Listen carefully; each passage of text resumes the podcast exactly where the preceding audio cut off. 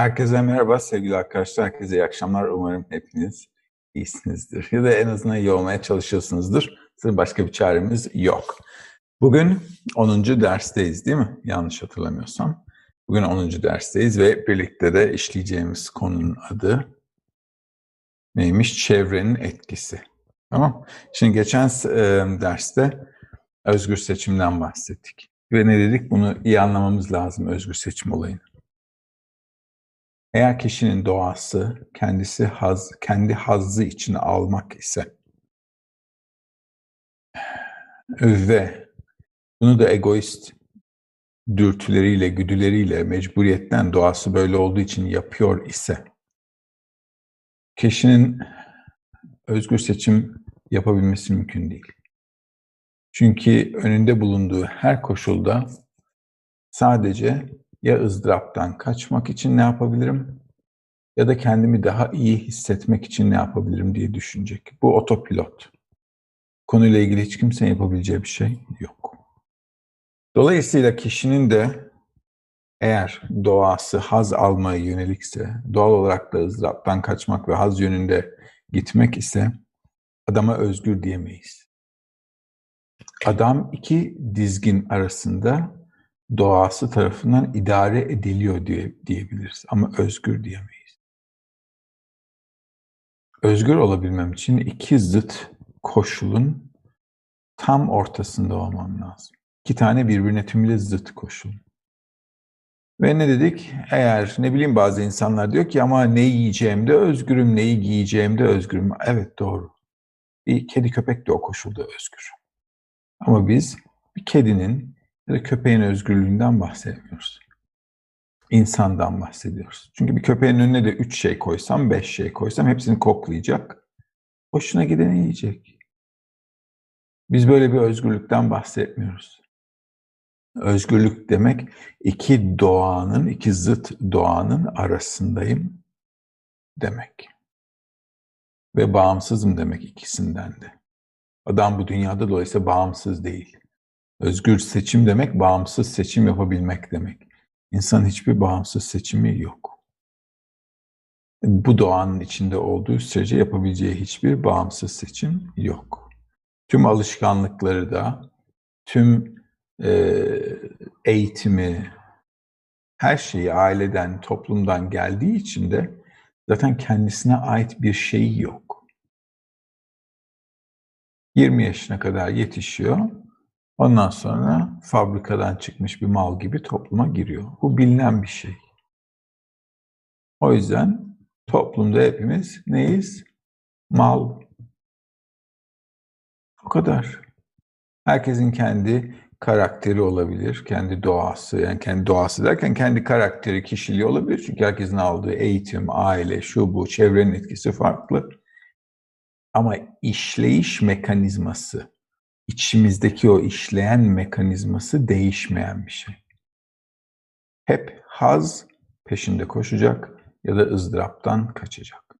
O yüzden özgür seçimi olamaz. Bundan bahsettik. Ve ne dedik geçen hafta ayrıyeten? Ama bir de kalpteki noktamız olursa ki manevi çalışma için bu kalpteki nokta, kalp gözü dediğimiz şey son derece önemli bir şey. Kişinin içinde bu uyanmadığı sürece zaten kişiyle konuşacak hiçbir şey yok. Kişiye anlatacak hiçbir şey de yok maneviyatla ilgili. Kişi doğar, yaşar ve ölür. O kadar. İnsan söyleyecek, anlatacak hiçbir şey yok. Kalpteki noktası uyandıysa, adam zaten ikilem içerisinde. Çünkü bir taraftan dünyevi hazları var, öteki taraftan bu dünyada ne işim var diye soruyor.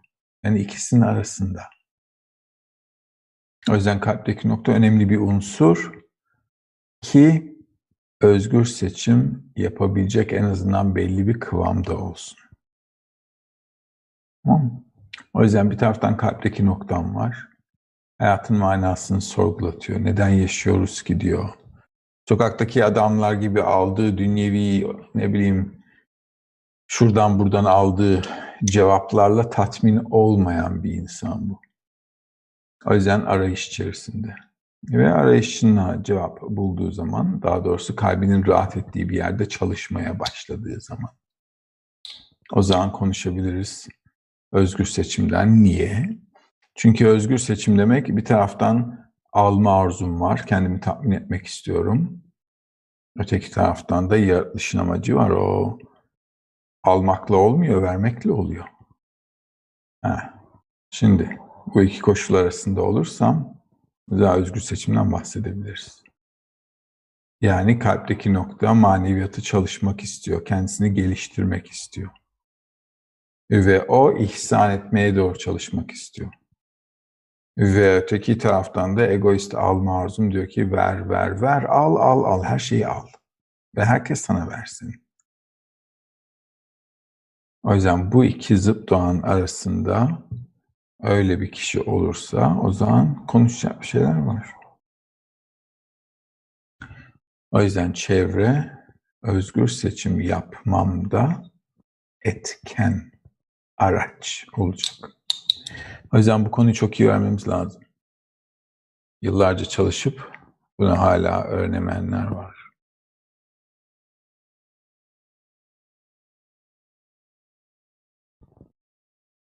Şimdiki önce biraz doğamızdan bahsedelim. Yaratılış doğamızı iyi anlamamız lazım. Kabalistler de bize bunları bu şekilde anlatıyorlar. Bize örnek veriyorlar. İlk verdiği örnek Bağlı özgür seçim ya özgürlük makalelerinden bakacak olursak tamam çevrenin etkisiyle ilgili bize bazı tanımlar veriyor. Diyor ki kişinin önce bir kaynağı var. Yani bir özü var adamın diyor. Özümüzün ne olduğunu bilmemiz lazım. Bugün sokaktaki bir adama sorsanız özün ne senin kardeşim deseniz adam size cevap veremez. Bilmiyor çünkü. O diyor ki ben ben buyum abi diyor. Ne özü? Nasıl yani? Bilmiyor. Az önce özümüzün ne olduğunu bilmemiz lazım. Yani hepimizin içinde tüm temel niteliklerimizin bir bilgi, bir birikim, bir noktada her şeyin dahil olduğu bir noktası var. Ve insanın özü o. Yani alma arzumuz var. O doğamız.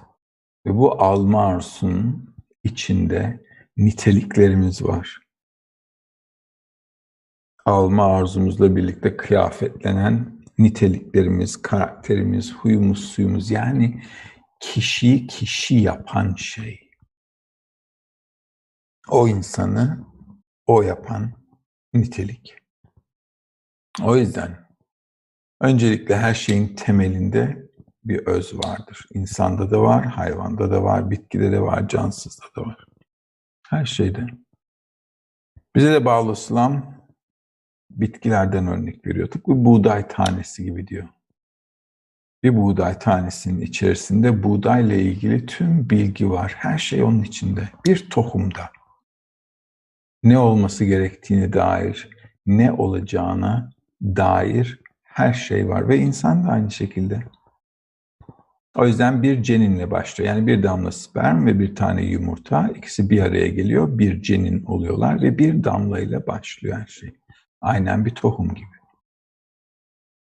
Tıpkı bir buğday gibi. Aynı şey hayvanlar için geçerli. Aynı şey bizim hayvansal hayatımızda da geçerli. Daha önce sizlerle konuştuk. İnsan yaradanı algılayana denilir. Maneviyat olarak konuşuyor. Tamam Maneviyatta tanım, insanın tanımı adam kelimesinden geliyor. Yaradanı algılayan birisi. Algılamadığı sürece hayvansal bir hayat yaşıyor. O yüzden hayvansal seviyede de, bitki seviyesinde de bu şekilde. Şimdi burada özel bir benzerlik yapmamız lazım. Maneviyata gelen kişi de hayatın manasını sorguluyor. Sonunda kalpteki noktası var. Yani her şey bir tohumdan başlıyor. Her şey bir noktadan başlıyor demek istiyor bize. Ve bu herkes için özel. Tıpkı dünyada herkesin yüzü nasıl farklıysa, herkesin düşünceleri, arzuları, hisleri, yaratılışı, hissedişi farklı. Bu herkesi çok özel yapar. Yani dünyada gereksiz kimse yok. Tam tersine herkes çok özel. Çünkü herkes birbirini tamamlıyor. O yüzden kalpteki noktada aynen o şekilde her birimizin yaratılış sisteminde o ruh denilen yapı, algı yapısında hepimizin özel bir yeri var. Hepimiz oraya bir yere aitiz. Nereye ait olduğumuzu keşfetmemiz, inşa etmemiz lazım orayı. O yüzden hepimizde de özel bir nokta var. Maneviyat. Maneviyatta ilerlememiz için. Bu bizim kaynak dediğimiz şey. Tam özümüz. Bakalım kaynağın gelişimi neye bağlıymış? Kaynağın gelişimini sağlayan program neymiş? Bu program değişmez ve organizmanın doğal evrimindeki büyümesini belirler. Örneğin bir buğday tohumu daima buğday verir. Bir insan geni bir insan yaratır. Botanikçiler buğdayın gelişim aşamalarını, köklerini çıkması için gereken süreyi, tohumun yaşam döngüsü, döngüsünü inceler. Benzer şekilde insanın doğduğunda gelecekte baba olacağını ve genel olarak büyüme aşamalarını biliriz. Bu bizim gelişimimiz. Yani herkesten ne olması gerekiyorsa o olur. Başka bir şey olmaz. O yüzden buğdaydan mısır çıkmayacak. İnsandan da ne diyoruz? Bizim arkadaki tavuklardan çıkmayacak. Tamam? İnsan insan. O şekilde. Bu çok önemli bir unsur. Neden özellikle önemli? Şimdi bakın. Toplumda da şimdi görüyoruz Amerika'da falan, Avrupa'da da özellikle her şeyi eşitlemeye çalışıyorlar. Tamam diyor ki kadın ve erkek aynı. Tamam transgender, kadın, erkek bunların hepsi aynı diyor. Ee, doğada öyle bir şey yok. Yasal olarak elbette yasaların karşısında elbette herkes eşit. Tamam Ama doğanın yapısına göre iki kutup var sadece. O yüzden her şeyi eşitleyemezsiniz. Her şeyi eşitleyemezsiniz. O yüzden e, şimdi Amerika'da yasa çıkardılar ya o yüzden söylüyorum aklıma geldi. Biden amca gelince. E, ne dediler? Dediler ki transgenderlarda kadınlar tarafında oynayabilir. Okay? Bu şekilde olmaz. Çünkü ikisi eşit değil. Değil yani. Genetik olarak da değil. O yüzden doğada bu tür şeyler uydurulamaz. Tam sosyal haklar vesaire için konuşmuyorum. Onlar için elbette herkes eşit. Ama eğer böyle bir şey yapacaksan ne yaparsın? Nasıl kadınlar ligi var, erkekler ligi var. Translar ligi olur. Olur biter. Yani hiçbir zaman iki ayrı, tamam? İki ayrı kategoriyi yani elma ile armutu birbiriyle iç içe sokamazsın. Biri elma, biri armut. Bu şekilde olmak zorunda. O yüzden adamdan da adamdan başka bir şey olamaz. Ve hepimizin içsel gelişimine göre bu bu şekilde olmak zorunda. O yüzden hepimizin içsel bir programı var. Doğanın kanunlarına göre de bu içsel program gelişiyor. Ve bunun ayrım olması lazım. Yani herkes farklı ve herkesin farklılığı muhafaza edilmeli. Tamam, silinmemeli, muhafaza edilmeli. Ki bu farklılıklar bütünlüğe herkesi ve her şeyi getirebilsin. O yüzden kaynağın gelişimi her zaman çevreye bağlı. Yani özümüzde ne olduğumuz hiçbir şekilde değişmeyecek. Hiçbir zaman. Bu bir. İkincisi, özümüzün kendi içindeki bilgiden dolayı başka bir şey olması mümkün değil. Tamam? Bunları anladık mı? Bu iki şey çok önemli. Anlamadıysanız da sorun. Yani özümüz var ve özümüzün gelişim aşamaları var. Ve bu iki şeyle ilgili hiçbir şey yapamayız. Bunlar fix, sabit yapacak bir şey yok. Tamam. Kaynağın gelişimi kendi içsel bilgisiyle, reşimot diyoruz buna bazen, izlenimler ya da ile olur. Dolayısıyla bu iki koşulla ilgili bir şey yapamayız. Herkes ne olacaksa içsel gelişimine göre olacak. Ama başka faktörler var hayatımızda. Bu üçüncü faktörde kaynağa direkt bağlı dışsal unsurlar. Bu ne demek oluyor? Yani hayatta öyle şeyler var ki buğdayın özünü etkileyemeyen ve onun gelişim programını değiştiremeyen, yani buğday ne olacaksa ne olacak?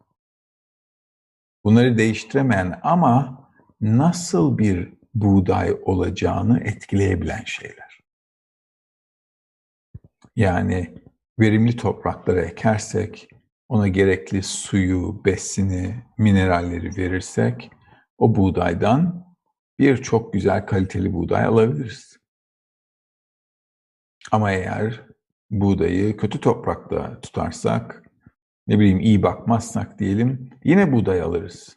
Yani ölmezse yine buğday alırız ama az alırız ya da kalitesi kötü olur. Ama her halükarda buğday alacağız. Hani çöle ekerseniz hiçbir şey alamazsınız ayrı mesele de.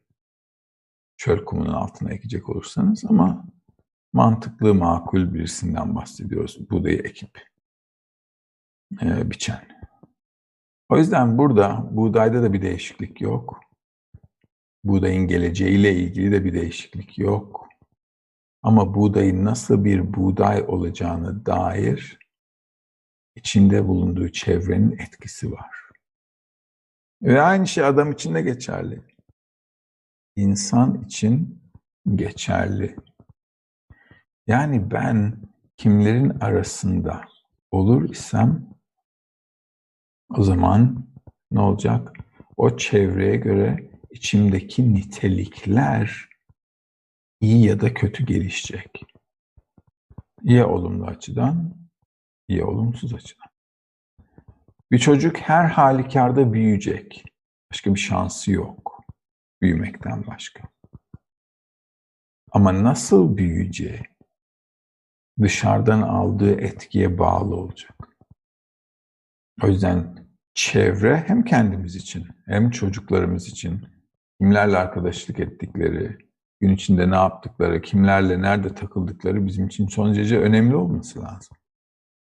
Çünkü o takıldıkları yere göre ona göre insan olacaklar, ona göre birisi olacaklar. İyi ya da kötü. Bu yüzden insanın da iyi ya da kötü olması sadece çevresine bağlı ve başka hiçbir şeye bağlı değil. İstediğiniz kadar okutun. İsterseniz 10 diploması olsun. Diploma sahibi olup da görüyoruz bir sürü e, insanın ne yaptığını. Tamam o yüzden fark etmiyor. Diplomalıydı, diplomasızdı, üniversiteyi bitirdik bazen diyorlar ya Aa, okuttuk, bugünler için mi okuttuk? Ne fark eder okutup okutmadı? Kötü bir çevrenin içerisindeyse, kötü adamlarla takılıyorsa iki gün sonra o da onların etkisiyle kötü bir adam olacak. Burada diplomanın bir alakası yok ki. Diploma dediğimiz şey ne ki zaten? Bir yere gidiyoruz. Bize bilgi veriyorlar. Bizi adam etmiyorlar ki. Yani eğitim sistemi bizden bir insan yapmak için böyle bir programı yok ki. Diyor ki ben sana atıyorum neyse mesleğin mesleki bilgilerini veririm. Ama iyi bir insan oldun, kötü bir insan oldun, hayatını nasıl idame ettirdin bunları yani sana vermiyor ki adam. Dolayısıyla kişinin kimlerle takıldığı, kimlerle arkadaşlık ettiği, nasıl bir çevrede büyüdüğü, geliştiği o kişiyi iyi ya da kötü yapar. Çok iyi bir insanı alırsınız. Mafyanın içine koyarsınız. Yavaş yavaş adam öldürmekle hem fikir olmayan adam yavaş yavaş öldürmeye başlar. Ve bir de hem fikir olmaya başlar. Der ki bunlar hak ediyordu zaten. temizlik yapıyoruz. Topluma hizmet diyebilirsiniz. Ama yavaş yavaş öyle düşünmeye başlayacak. Niye? E çünkü egomuz her zaman kötü bir şey yapsak da bize haklı çıkaracak bir bahane bulur. Ama kötü bir adamı al, iyi bir ortama koy. Orada ona iyi bir etki yapsınlar. Bu sefer o da ne yapacak? Kötülüğünü bırakacak ve iyi olmaya başlayacak. Elinde değil adamın iyi ya da kötü olması. Hiçbirimizin iyi ya da kötü olması bizim elimizde değil. İyi ya da kötü olmamız çevremizin etkisine bağlı. O kadar basit. Gelelim dördüncü olaya. Yani kaynağı, bu üçüncü olay kaynağı direkt direkt bağlı dışsal unsurlar. Tamam Dışarıdan etkiyle beni iyi ya da kötü yapan şeyler. Etkisi var ve iyi ya da kötü yapıyor beni. Şimdi bir başka dördüncüsü de kaynağı direkt bağlı olmayan dışsal unsurlar. Yani dışarıdan bana beni değiştirecek etkiyi yapmıyor ama hayatıma etki yapıyor. Ben atıyorum sokaktan karşıdan karşıya geçiyorum ve birisi beni eziyor, ölüyorum. Yani gelişimim açısından bir etkisi yok. Bir gelişimimi durdurdu ayrı mesele, öldüm. Ama onu anladınız mı? Tamam, karakterime, e, niteliklerime, gelişimime bir etkisi yok. Ama hayatın, hayatımız üzerinde gelişimimize etkisi olmasa da var. Dolayısıyla buğdayın, buğday diyelim ki sel bastı. Tamam, diyelim burada seralar var mesela. Ve yağmur çok yağdı. Ve domatesler sular altında kaldı. Gittiler yani. Ama domates hala domates, domates olacaktı ama dışarıdan domatesin niteliklerine etki yapmayacak bir şey geldi. Doğal bir afet. Ve hepsi telef oldu. O yüzden dört tane koşul var burada. Kişinin değişmeyecek özü ve her kişiye ait özdeki nitelikler. Bunlar hiç değişmeyecek. Ama diğer üçüncü şey, çevre dediğimiz şey, bunu insan değiştirebilir elinde olan esasen tek şey de bu. Biz sanıyoruz ki hayatta elimizde çok şey var. Şöyle yaparım, böyle yaparım. Yok. Hiç kimse hiçbir şey yapamaz. Çevre seçmek dışında. Bu önümüzdeki dönemde çok daha bariz olacak. Toplum içerisinde de. O yüzden kişinin toplum olmadan bir şey yapamayacağı, en ufak bir şeyi bile yapamayacağı çok bariz olacak. Çünkü herkesin herkese ihtiyacı var. Ve herkesin ortaya çıkacak olan şey yaşayacağımız olaylardan dolayı tüm dünyada şimdi ekonomiyle, bu virüsle, virüsü artık söylemiyorum bile ama doğal afetlerle vesaire göreceğiz ki herkes birbirine bağlı. O yüzden insanı da birbirine bağlı tutacak bir çevre olması lazım. O çevreyi kişi seçebilir. Ve tek özgür seçimi o. Başka hiçbir özgür seçimi yok. Olmayacaktı onu da söyleyeyim. Olmayacaktı. Özgür seçim bu. O yüzden kendimizi nasıl geliştireceğimiz ve ne yönde geliştireceğimizi seçebiliriz. Onun dışında bir şey seçemeyiz. Tıpkı anne ve babamızı seçemediğimiz gibi, genlerimizi, hormonlarımızı biz programlamadığımız gibi, doğduğumuz ülkeyi, kültürü, doğup doğmamayı bile adımıza kadar hiçbir şeyi seçemedik. Giydiğimiz kılık kıyafete kadar hepsi bize çocukluğumuzdan, toplumdan, şuradan buradan empoze edildi. O yüzden kişiye hayat zaten gösteriyor. bize sormadan bizi doğurduğu için bize zaten baştan söylüyor seni doğururken sana sormadım. Sen yaşarken de sana sormayacağım.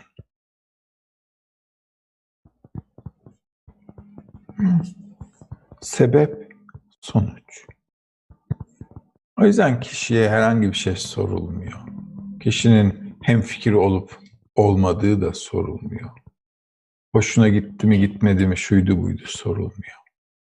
Adama söylenilen şey çok basit.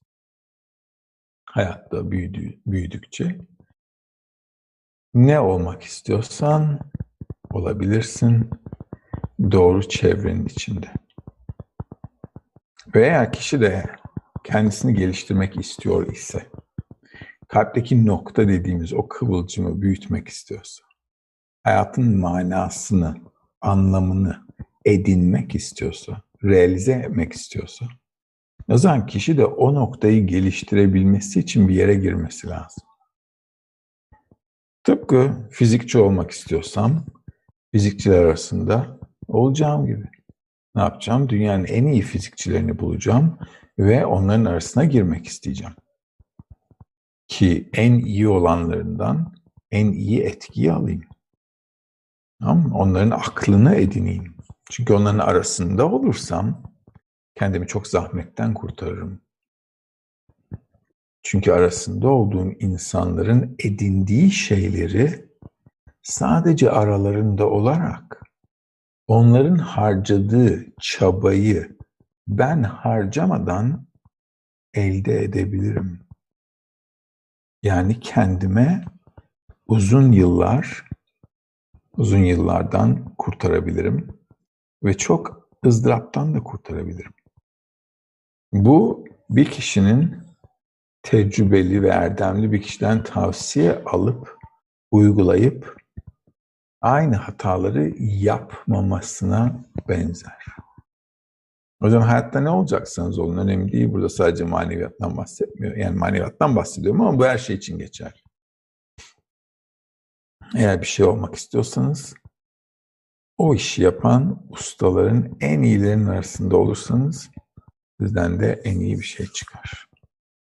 Başka da bir şey olmaz. O yüzden yapabileceğimiz tek şey maneviyatta ilerlemek istiyor isek kalpteki noktamızı nerede geliştirebiliriz? Onun arayışında olmamız lazım. Ve hatta ve hatta eğer çalıştığım şey diyelim ki diyelim ki bunu çalışmayı seçtim ve diyelim ki çalışmaya başladım ve bunu çalışıyorum. Ondan sonra bile hep düşünmem lazım. Şimdi ben bu çevrenin içerisinde kalpteki noktamı geliştiriyorum. Peki bu çevreyi daha iyi nasıl yapabilirim? Daha iyi gelişeyim. O yüzden çalışmanın önemli bir parçası sadece çevreyi seçmek değil. O çevrede çalışırken o çevreyi de nasıl daha iyi yapabilirim, daha güçlendirebilirim ki bana etkisi daha fazla olsun. Buraya kadar soru var mı? Var peki. Hadi bakalım. Konuyla ilgili sorulardan başlayalım. Can sormuş. İki zıt doğanın arasında bağımsız nasıl olabiliriz hocam? Örnek verebilir misiniz? Özellikle iki zıt koşulun arasında bağımsız olabilir. Yani tatlı ve acının tam ortasında. Çünkü her şey tatlı olursa tatlıyı hissetmezsin. O yüzden tatlıya karşıt bir şey olması lazım. Kontra bir şey. Ve o zaman ayrıyeten hatta ve hatta tatlı ve acının ortasındaki kıvamda özgür olabilirsin. Yani ne tatlıya bağlısın ne de acıya. O yüzden iki zıt koşul olmadan adam izlenim sahibi olamaz. O yüzden bağımsızlığı hep öyle iki izlenimim de olması lazım. Ve ikisinden de tam olarak ne kadar kullanacağımı hesaplayabilmem özgür seçim.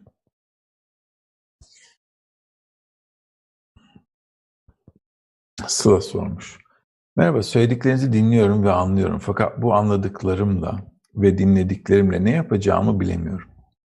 Bu yüzden benden kaynaklı sanki bir şeyler eksik gibi hissediyorum.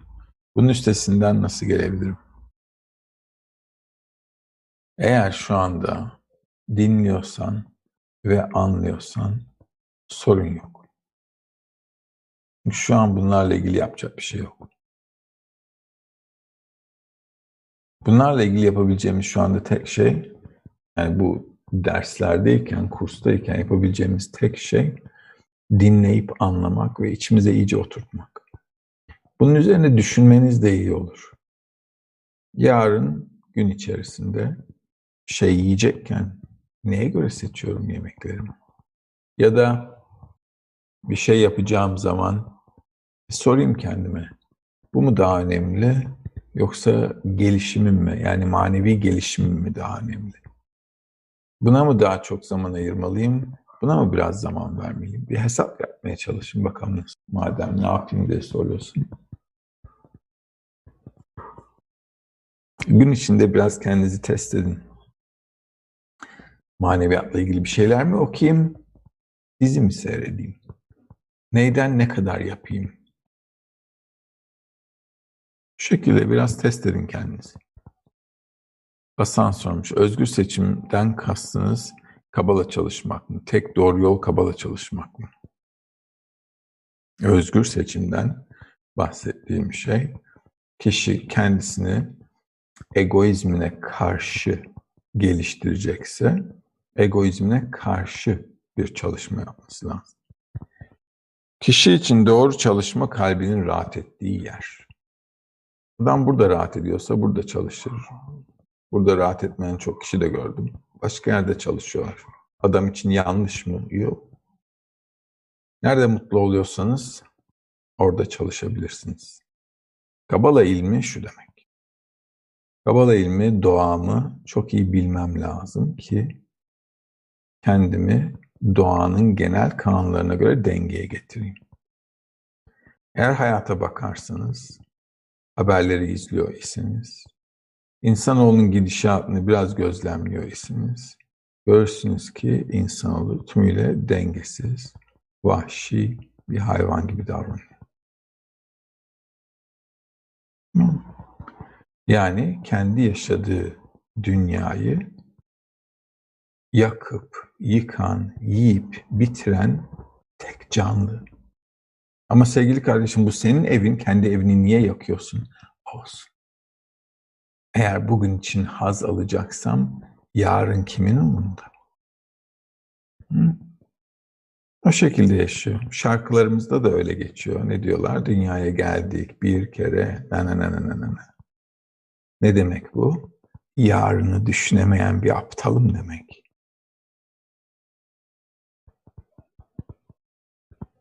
Bu şekilde.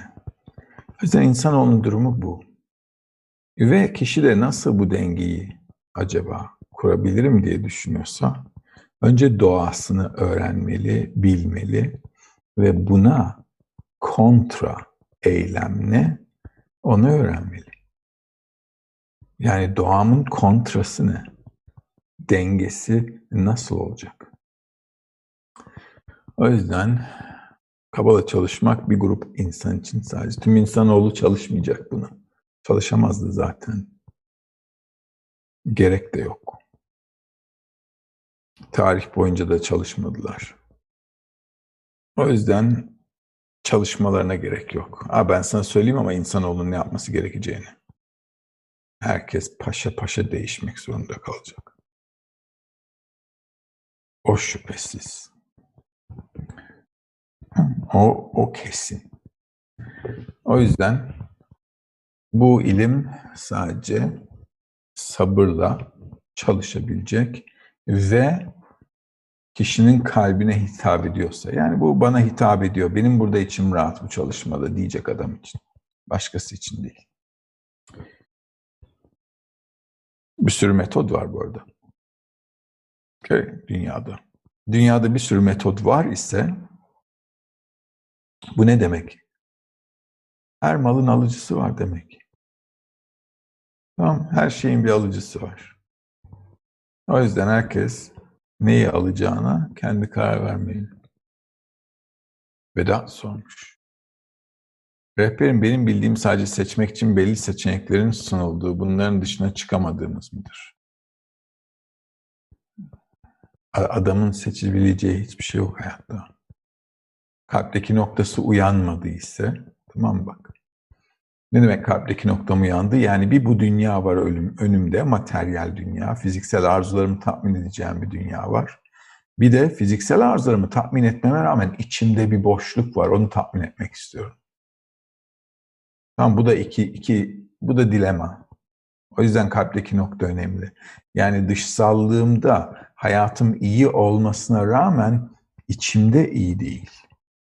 O yüzden burada da hep adam iki, iki koşul arasında iki, e, iki noktada çelişki içinde. O yüzden bir sürü zengin var, intihar ediyor. Bir sürü zengin var, depresyonda, uyuşturucuda. Niye? Çünkü her şeyim var ama mutlu değilim. Şimdi fakire sorsan dersin ki bu adam deli mi? Her şeyi var. Fakire de anlatamazsın aynı şeyi. Yani fakire fakirin halini, zengine zengin halini anlatamazsın. Durum öyle karışık. O yüzden kabalistler diyor ki, Aha, kalpteki noktası olması lazım bir şey anlatmamız için. Maneviyatta. Çünkü adam o zaman iki ara bir derede seçim yapabilir.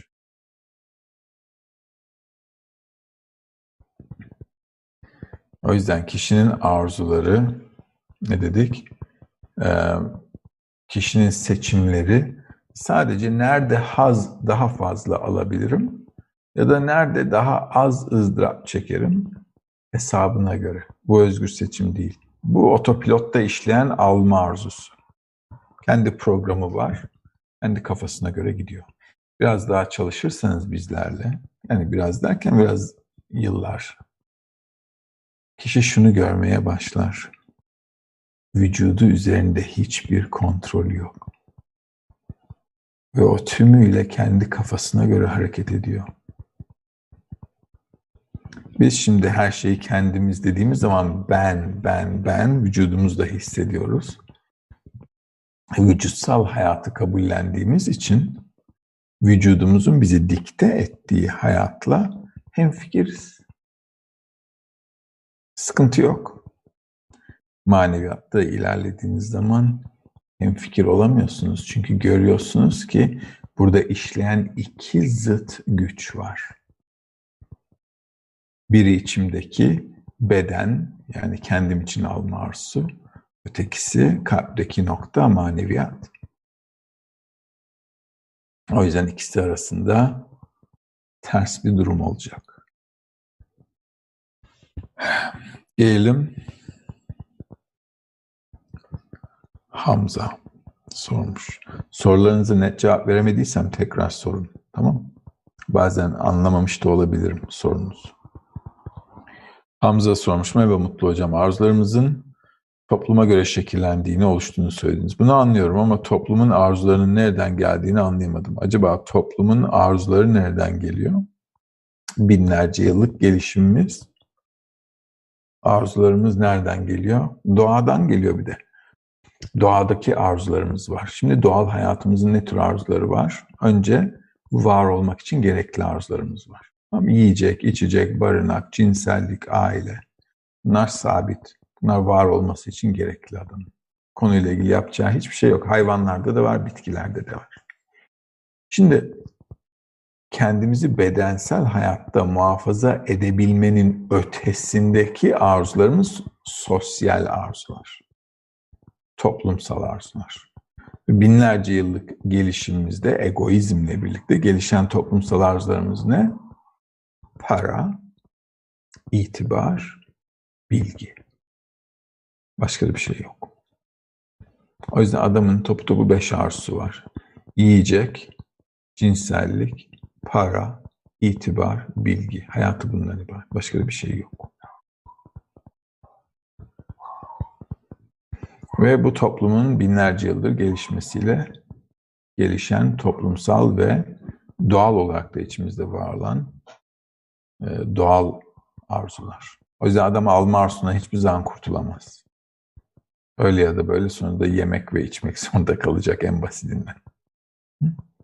Kurtulamaz alma arzusundan böyle. Ecem sormuş. Merhaba rehberim. Biz İslamiyet'e hevesli olsak da çevreden gelen olumsuz tavırları, kıskançlığı ve yarışı nasıl aşabiliriz? Bu yarışa tavrımız nasıl olmalı?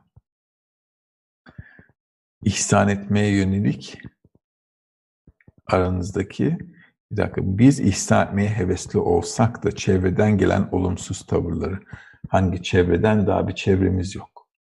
Çevre demek maneviyatta benimle aynı yolda olan arkadaşlar demek. Tam dışarıdaki insanlarla maneviyat çevresi oluşturamayız. Çünkü birisi futbolcu olmak istiyor, ötekisi iş adamı olmak istiyor, ötekisi manken olmak istiyor, ötekisi bilmem ne olmak istiyor. Yani biz biz ise maneviyatta ilerlemek istiyoruz. O yüzden ne yapacağız? Nasıl pul koleksiyonu topluluğu var diyelim ki. Biz de öyle bir topluluk olacağız. İhsan etmek isteyenler topluluğu. Çiçekler, böcekler topluluğu gibi. Şekilde ne yapalım?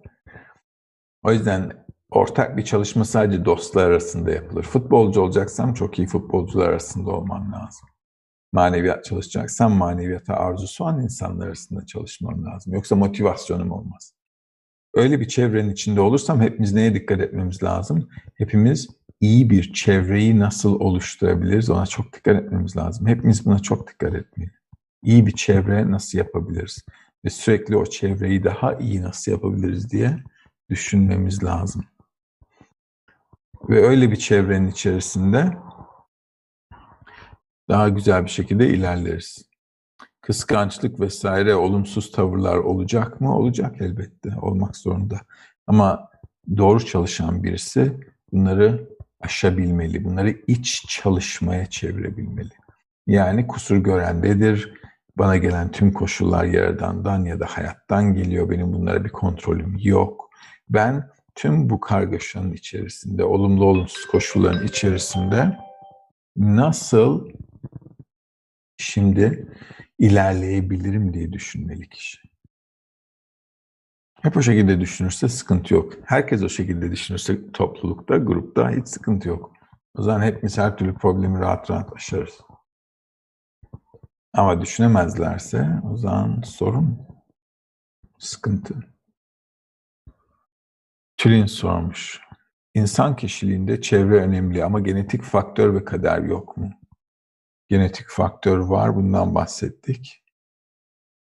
Hepimiz hepimizin içinde binlerce yıldır insan olunun nesi var? Genetik tarihi var içimizde. Sadece anne babamızdan değil. Nineler, onların babaları, babaları, baba. Binlerce yıllık insanoğlunun yapısı, tarihi içimizde. Niye niye her çocuk daha zeki, daha akıllı bir önceki nesile göre? Çünkü daha çok neslin birikimiyle geliyor. O yüzden tecrübeli. Tamam Eline veriyorsun telefonu. O şimdiden dokunmatik telefonun nasıl olduğunu, parmağını şöyle itmesi gerektiğini, tak tak tak tak tak tak çevirmesi gerektiğini o biliyor. Nasıl biliyor diyorsun? Vay canına. Hı? Niye tüm binlerce yılın bir önceki nesil dahil hepsinin birikimi var. O şekilde. Dolayısıyla genetik faktör, gen genlerimiz şu bu ne olduğu önemli değil. Hangi çevrede olduğu önemli. Biraz önce iyi adam kötü adam örneğinde verdiğim gibi. Bazen haberlerde de görüyorsunuz. Çok iyi bir adamdı. Nasıl oldu da böyle oldu? Du, du, du, du. Niye? Görmüştür internette bir şeyler. Çevrenin etkisiyle birden delirmiştir. Oluyor yani var bunun şeyleri. Ee, okursanız haberlerde. Yani sanal ortamda bile mesela internette e, absürt siteler var. Kişilerin etkilendiği vesaire. E, ilginç. O yüzden çevre çok önemli. Çok çok önemli. O yüzden hep iyi insanlarla beraber e, kendimizi geliştirmeye yönelik çalışacak insanlarla beraber olursak iyi bir şekilde geliştiririz. Çünkü genetiğimiz, kaderimiz de diyebilirsin buna. Bizim elimizde değil. O yüzden kafaya takmaya gerek yok. Çünkü oturup da şimdi genlerimizi değiştirebilecek bir durumda değiliz yani. O yüzden hayat diyor ki senin durumun bu. Senin koşulun bu ve bunlarla ilgili hiçbir şey değişmeyecek. Hoşuna gitse de gitmese de bu bize verilen koşul. Ama çevre seçimi aa, o konuda sıkıntı yok. Sen kafana göre takıl diyor. Nasıl bir çevre seçeceğini. Ve kişi seçtiği çevreye göre ya iyi bir hayatı olur ya kötü bir hayatı olur. Bunu da o şekilde not edin. Yani iyi hayat yaşamam seçtiğim çevreye bağlı, bana bağlı değil, kişiye bağlı değil hiçbir zaman. Bu en büyük yanılgımız ben yapacağım, ben edeceğim. Adamın hiçbir şey yapacak hali yok. Sadece çevre doğru çevreye girersem o çevre beni alır götürür. O çevre içinde gelişir. Bir de benden de ekstra çaba olursa çevreyi iyi yapmak için o zaman süper. O bonuslu. Yani pastanın üstüne böyle çilekle birlikte. Bu şekilde.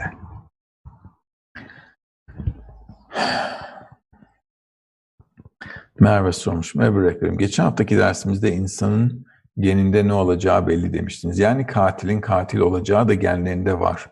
Bu onu, onun suçu değil demiştiniz.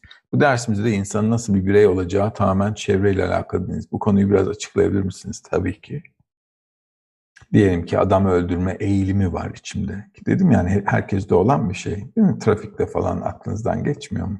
Aklınızdan geçiyor olması tamam mı? Bunu yapabileceğinizin bir işareti. O şekilde düşünün. Dolayısıyla hepimizde var. Dolayısıyla ne yapabilirim? Çevreye girerim. O nitelik içimde olmasına rağmen o niteliği kullanmak zorunda kalmam ki. Hadi çok kullanmak istiyorsam da kendime bir meslek seçerim. Ne olurum? Kasap olurum. İnsan kasabı yerine hayvan kasabı olurum. Hı, daha geçmiyorum. Öyle bir deyim var Tora'da. Her kim adam öldürme eğilimine sahipse onun mesleği kasap olsun derler. Bu şekilde topluma topluma faydası olan bir mesleği var. Hı? Geçmişten. Bu şekilde. İnsan da niteliklerini kullanmak zorunda değil. Eğer doğru çevrenin içerisindeysem, içimde bir kötülük ifşa olur ise bununla başa çıkabilirim. Ama yanlış çevrenin içinde çıkamam. İşin püf noktası o zaten. Maneviyatta ilerleyen bir insan ile ilerlemeyen insan arasındaki fark şu. İçinde kötü eğilim çıktığı zaman ilerlemeyen insanda o bunu eyleme sokuyor. Yani kötülüğün ifşası fiziksel olarak da gerçekleşmiş oluyor. Maneviyatta çalışmayla birlikte içimde kötülük ifşa olduğu zaman bununla ne yapmam gerektiğini biliyorum. O yüzden bilinçli yaşayan ile bilinçsiz yaşayan arasındaki fark çevreden aldığı koşula bağlı oluyor. Onun dışında hiçbir şeyimiz yok. Genlerimiz üzerine, karakterimiz üzerine şunu hiç kimsenin hiçbir etkisi orada yok. Kendimi nasıl kullanacağım ama çevreye bağlı. Osman sormuş. Rehberim çevreye karşı da geliş rehberim çevreye karşı da gelişmesi mümkün olmaz mı? Nasıl çevreye karşı? Onu biraz daha açıklayıp sor istersen. Kişinin çevreye karşı gelişmesi çevreye karşı? Eğer bir amaç edinmek istiyorsan, bir amaca doğru gidiyor isem, tamam diyelim ortak bir amacımız var. Ortak amacımız ne? Üst bir bilinç edinmek. Eğer bunu birbirimize amaç edindiysek, birbirimize karşı değil, tam tersine o amaca doğru birlikte gitmemiz lazım. Yoksa gidemeyiz. Başarılı olamayız ki.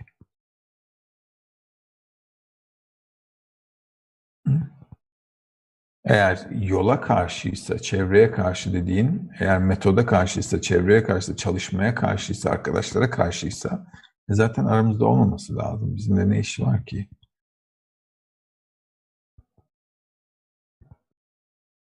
Betül sormuş. Değerli rehberim, iyi ya da kötü olmak çevrenin etkisi diyoruz. Lakin aynı çevrede büyüyen kardeşler bir bakmışız ki tamamen farklı kişilikler oluyorlar. Bunun sebebi nedir?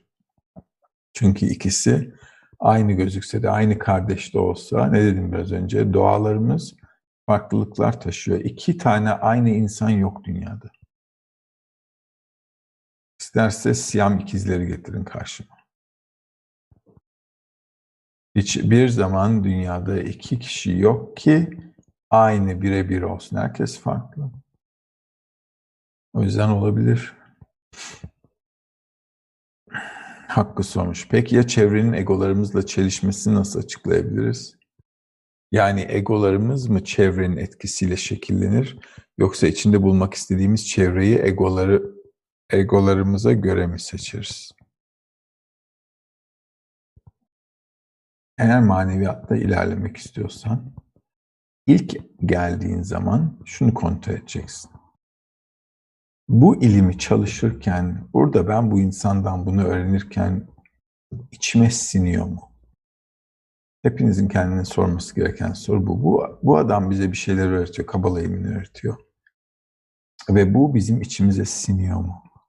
Ben rahat ediyor muyum? Sorularıma cevap alıyor muyum? Eğer sorularına cevap aldığını hissediyorsan ve kendi rahat, evet bu, bunu çalışmalıyım diyor isen bu iyi. Kişinin çünkü hissetmesi gereken geldiği zaman ilime eğer çalışacaksa zaten öyle hissetmiyorsa kalmaz. Fazla da kalmaz kalırsa da. Yani ilk etapta aldığı hissiyat çok önemli. İçime siniyor. Ha, daha sonra ne olacak? Daha sonra biraz ilerledikçe egon artmaya başlayacak. Ve yolla da hemfikir olmayacaksın. Ne yolla, ne arkadaşlarla, ne rehberle, ne yaradanla, ne yaratılışla hiçbir şeyle adam hemfikir olmaz. İlerledikçe. Tümüyle, egosuyla her şey karşı.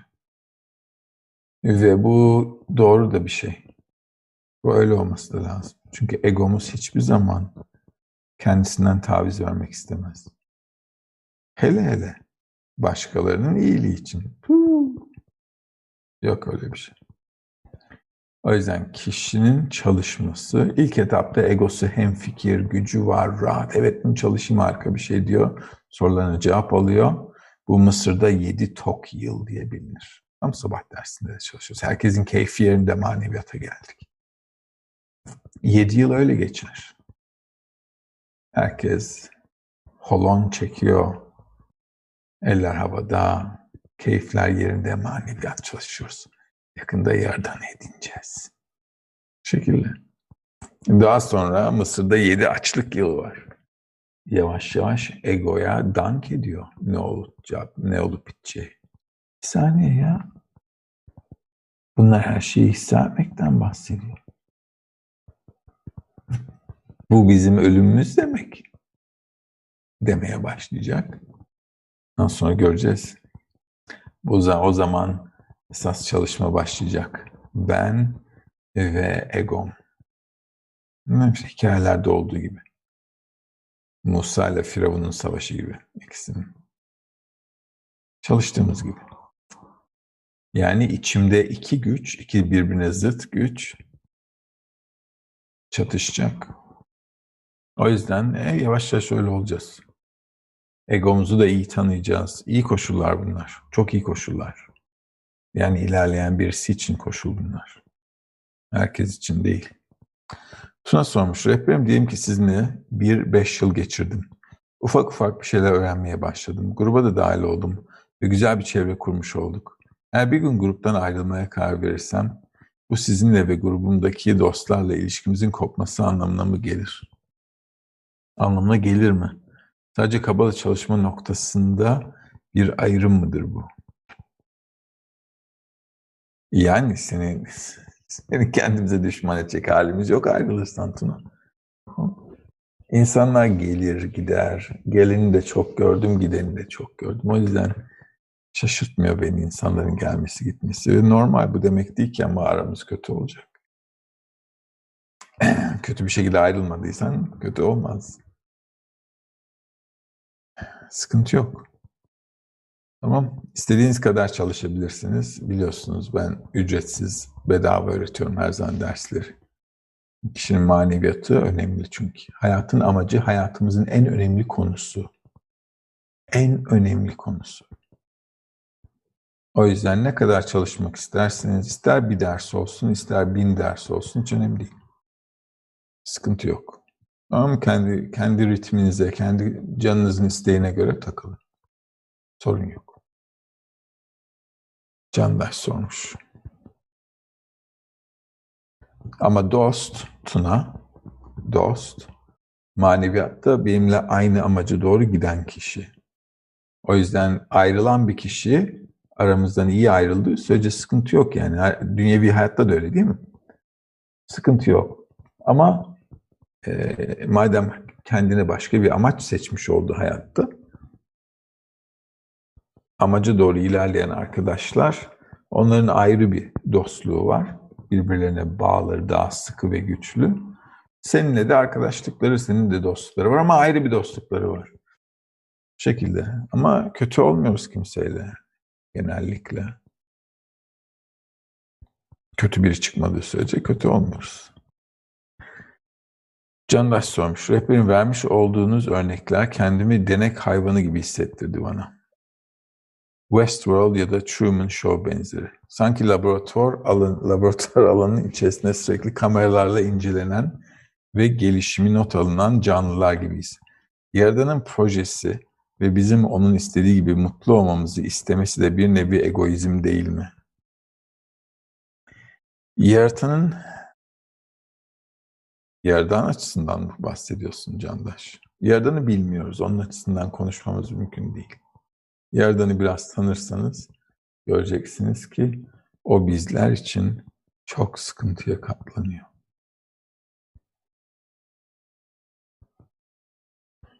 O yüzden onunla ilgili konuşacak bir şeyimiz yok. İleride ilerlersiniz ve o zaman görürsünüz ki o bizim katlandığımızla bizim katlandığımız okyanusta deniz tuzu tanesi değil dersiniz.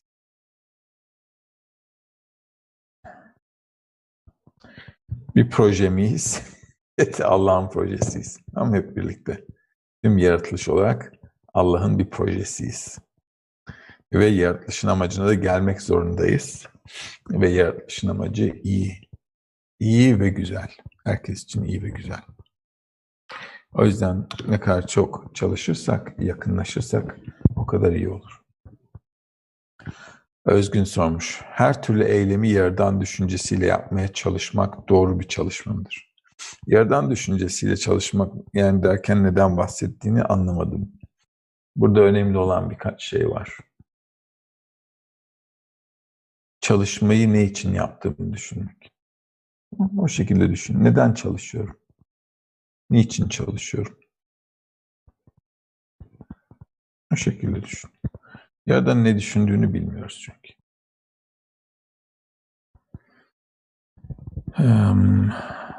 Örneğin yemekten aldığımız hazza odaklanmak yerine bir şekilde bu yeme eylemini içselliğimizde yaradanla bağdaş, bağdaşlaştırmak gibi. Ee, gerek yok. Yediğinle içtiğinle değil, yediğinle içtiğinle değil, neden yaşadığın ve hayatında neyi yapmak istediğinle ilişkilendir her şey. Yemekten aldığım haz değil, yani niye bunu şimdi yiyorum ve esas yapmak istediğim şey ne? Hayatımda esas edilmek istediğim şey ne? Kaan sormuş. Kendimi değiştirince realitenin değiştiğini biliyorum. Bu koşulda çevremin bana etkisini, etkisi de değişecek biliyorum. Çevrem kabalı çalışmıyorsa, onların bana davranışları değişiyorsa, onların kötü arzularının bir kısmında ben mi ıslah etmiş oluyorum? Yani herkes herkesin ıslahına katkıda bulunuyor arkadaşlar. Ama burada önemli olan şey şu.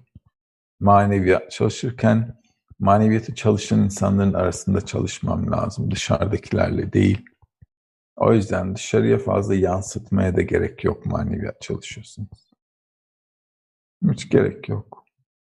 En temizi futbol oynayacaksam futbol oynamak isteyen insanlarla oynamak. O şekilde. Ee, dışarıdaki insanları da fazla yansıtmaya gerek yok. Hiç söylemeye bile gerek yok. Maneviyat arkadaşlar şöyle düşün. Maneviyat insanın içselliği ve belli bir noktadan sonra siz de anlayacaksınız ve göreceksiniz ki bunu kimseyle hiçbir şekilde konuşmama bile gerek yok. Sadece ben ve benim içimde yaşadığım şeyler. Sanki benim benim dünyam, sanki tüm yaratılış benim için yaratılmış ve ben onun içerisinde yaratıyorum. Sanki bir şey yani söylemeye, konuşmaya gerek bile hissetmeyeceksiniz. Geliştikçe öyle olur insan. Maneviyatta ilerledikçe kişi susar. Sessizleşir. Her şeyi içinde yaşadığının farkında varır. Sadece ben ve karşımda yaratılış, yaratılışın arkasındaki yaradan. Her şey o şekilde bir sükunet haline gelir. O yüzden şimdiden başlayın. Maneviyat çalışıyoruz. Kime neyi söyleyeceğiz ki? Zaten bizi kim anlayacak? Bugün dışarıdaki arkadaşlarına söylesen hayatın manasını çalışıyorum biliyor musun? Desen senin için ne diyecekler? Abi doktora görünsen. İyi değilsin. Bu şekilde. O yüzden kimseye derdimizi de anlatamayız. En temizi, en temizi burada çarşamba akşamları gel. Hep birlikte takılalım. Merve sormuş. Sevgili rehberim, burada bahsettiğimiz çevre, kabala çalışan dostlar çevresi mi yoksa sokaktaki adamların bulunduğu çevre mi? Burası. Sanal ortamda beraberiz.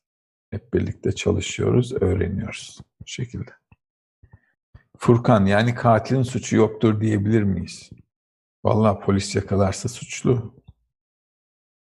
Tamam, hayattan da öyle görüyoruz. Doğru değil mi? Doğru. O yüzden katilin suçu yok mu? Var. Niye var? Çünkü kendine iyi bir çevre seçmedi.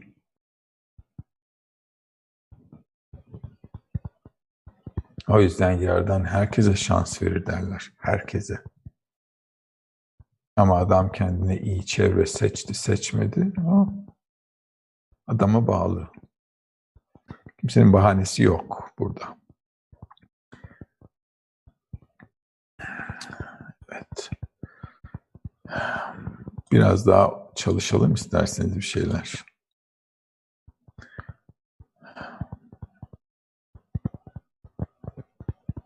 Şimdi çevre neden ibaret? Tamam mı? Biraz hadi ondan bahsedelim. Çevre neyden ibaret arkadaşlar? Çevre ne demek? Çevre her zaman beni etkileyen bir şeyler demek. Yani beni ne etkiliyor? O yüzden kendime o soruyu sormam lazım. Beni ne etkiliyor ve beni neyin etkilemesini isterim? Soru bu. Eğer manevi gelişimin gelişmesini istiyorsam, o yönde gelişmek istiyorsam, öyle bir arzum var ise bu arzuyu sürekli güçlendirecek bir çevrenin içinde olmam lazım. Bu arzuyu güçlendirecek bir çevrede olmam lazım. Çevre ne? Dostlar, çalıştığımız kitaplar yani öğreti. Tamam çünkü bir şey öğrenmek istiyoruz. Çalışmadan öğrenemeyiz. Dolayısıyla kaynaklar, bir de rehber. Başka da bir şeyimiz yok. Çevre bu.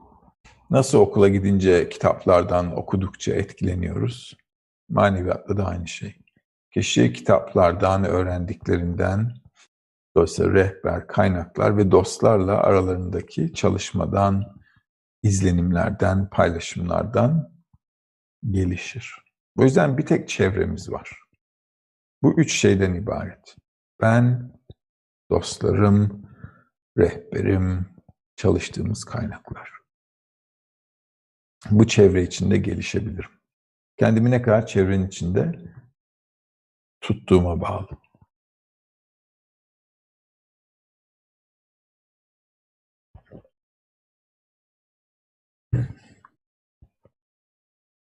Biraz okuyalım. Bakalım ne diyorlar. Kabala ilminde özgürlük makalesinde.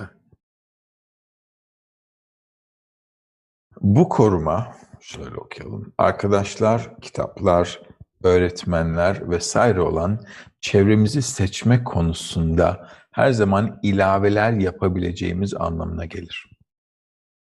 Tıpkı babasından miras olarak birkaç sap buğday kalmış bir insan gibi.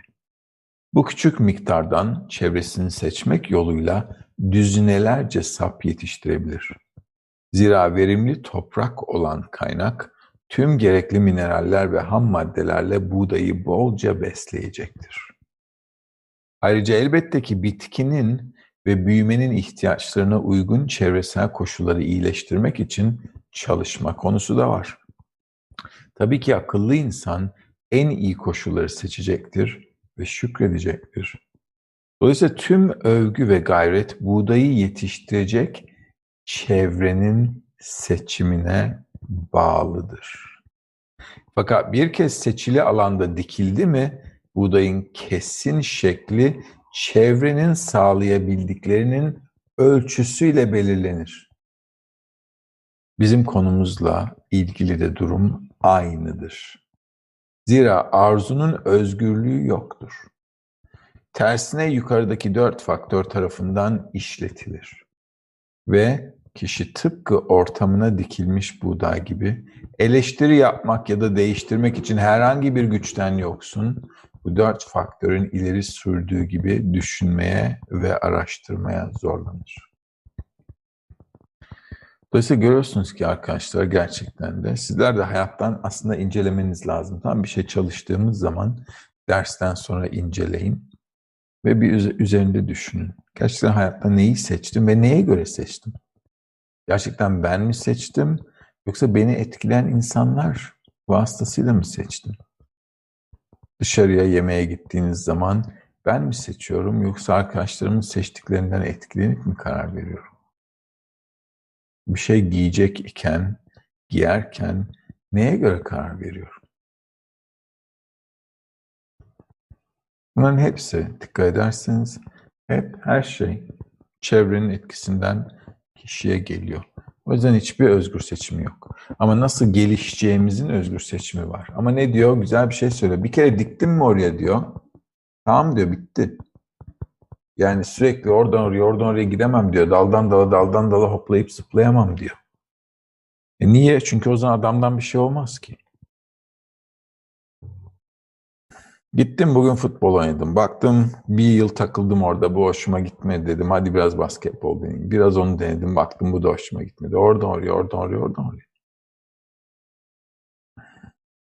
O yüzden adam bir şeyle ilerlemek istiyorsa çevreye kendisini oturtmalı. Ondan sonra biraz önce dediğim şeye geliyoruz. Çevreyi de sürekli daha iyi nasıl yapabilirim?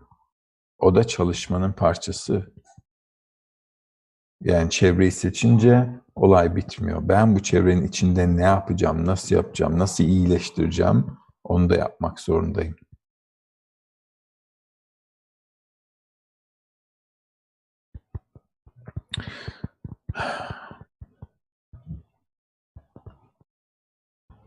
Biraz daha okuyalım. Özgürlük etken olarak çevre. Bu koruma arkadaşlar, kitaplar, öğretmenler vesaire olan çevremizi seçme konusunda her zaman ilaveler yapabileceğimiz anlamına gelir. Bunu okumadık mı şimdi? Okuduk. Okey. Tamamdır. Biraz daha sorulara gelebiliriz. Tamam, çevrenin ne olduğunu anlamış olduk böylelikle. O yüzden kendime bir seçim yaparken de bunları, bunu mu seçeceğim, bunu mu seçeceğim? Yani kalpteki noktamı mı geliştireceğim yoksa dünyevi alma arzumu mu geliştireceğim? Bunu geliştirmek için çevre bu, bunu geliştirmek için çevre bu. Ben de ikisinin arasındayım. Melisa sormuş. Ee, sorulara bundan sonra soru almayın isterseniz çünkü yetiştiremeyiz. Okey. Melisa sormuş. İki zıttın ortasında olmayı maneviyatla nasıl bağlayabiliriz? Şu anda bağlayamayız çünkü orada değiliz. Gelişimimiz de o noktada değil. O yüzden oturup biraz çalışmamız lazım. O yüzden kişi ilk geldiği zaman nasıl bir hisle geliyor? İçim rahat mı, rahat değil mi? Bu çalışmayı yapmak istiyor muyum, istemiyor muyum? İçim, içime siniyor mu? O yüzden ilk geldiği zaman kişiyi alma arzusuna göre keyifli, keyifli ise kalır. Sorularına cevap bulduysa, bunu halletmek istiyorsa, içinde öyle bir eğilim var ise o zaman kalır. İçi rahat etmiyorsa zaten gidecek. Bu egoistçe bir seçim mi? Evet egoistçe bir seçim ama o şekilde sıkıntı yok. O yüzden iki zıt durum yok şu anda.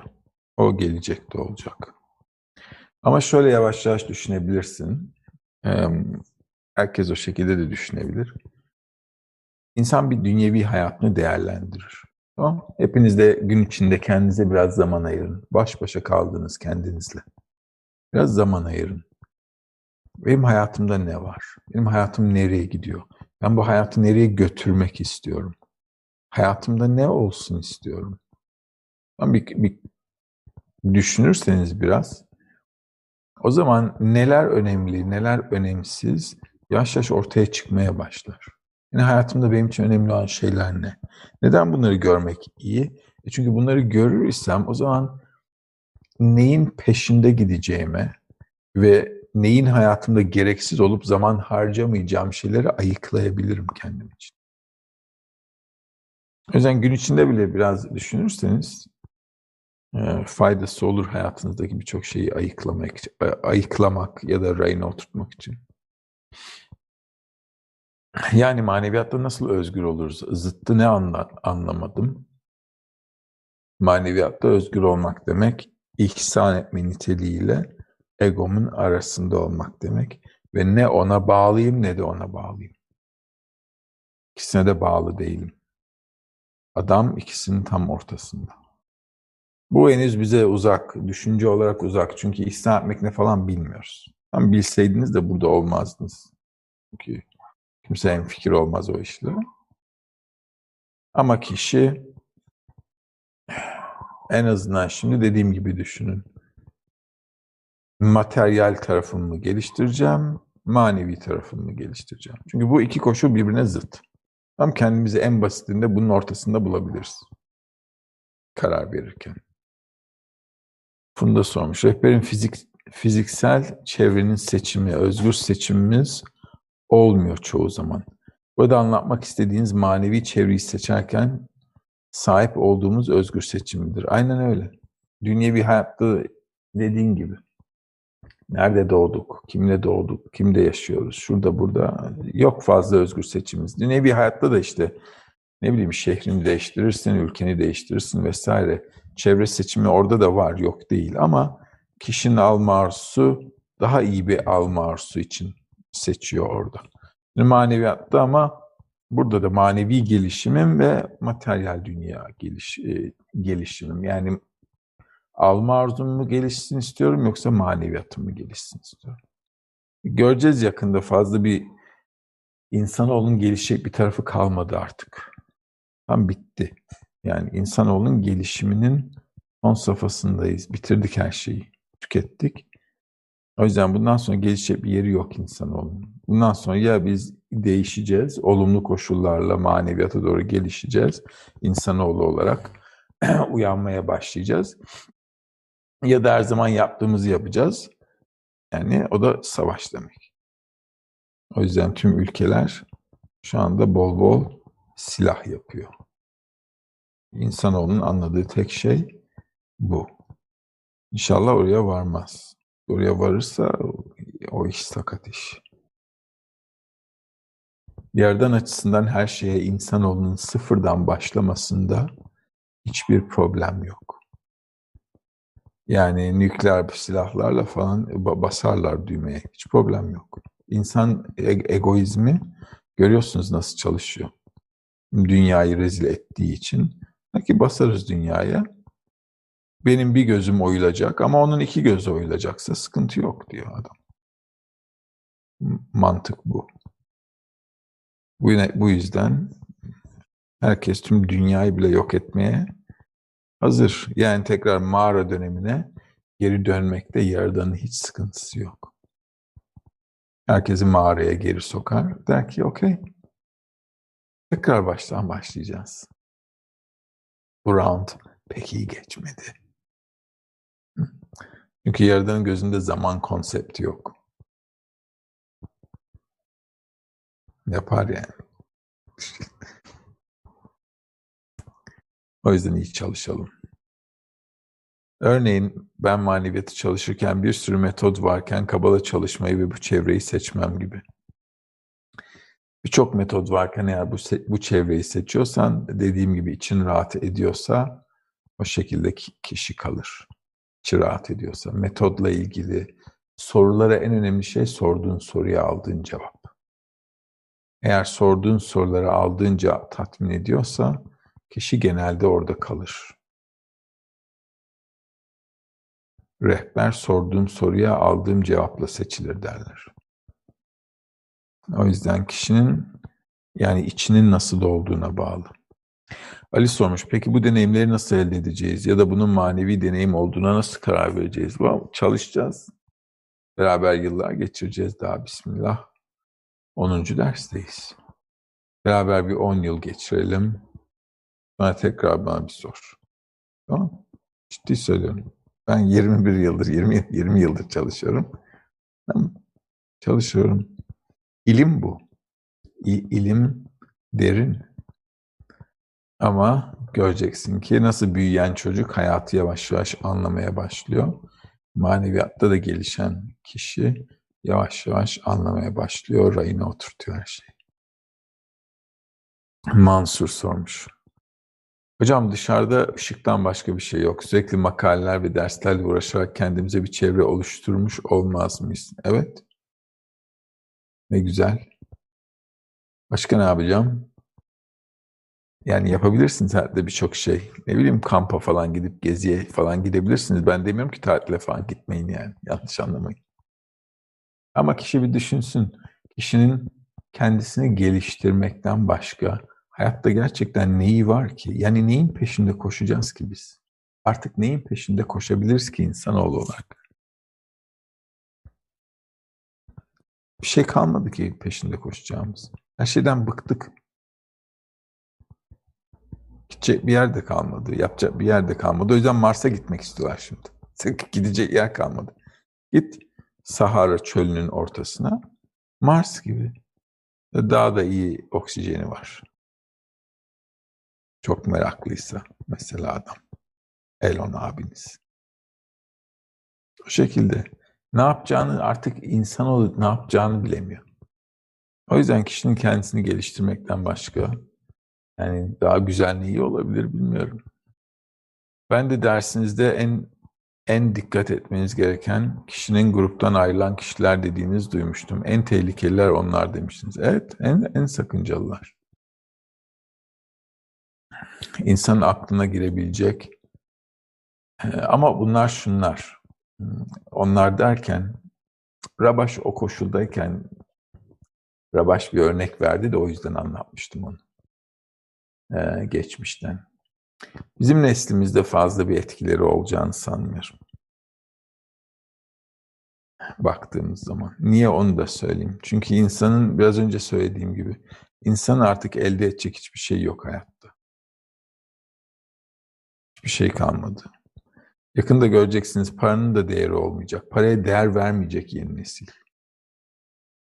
Yeni nesil paraya değer vermeyecek. Bu ne falan diyecek. O yüzden kripto paralar falan çıktı. Nedir kripto para? Hiçbir şey yok arkasında. Sıfır değer esasen. Toplumun verdiği değer var ama. Yani kripto paranın değeri toplum ona ne kadar değer verdiğine bağlı. O yüzden yeni nesil çok farklı ve farklı olması da iyi. Ama göreceğiz ki hiçbir şeyin tadı yok, tuzu yok, gidecek bir yer yok ve toplum o şeyi yakalayacak yakında. Kıvamı, hayat yoğuruyor yavaş yavaş. Yakında da fırına atacak. Pişmeye başlayacağız. O şekilde.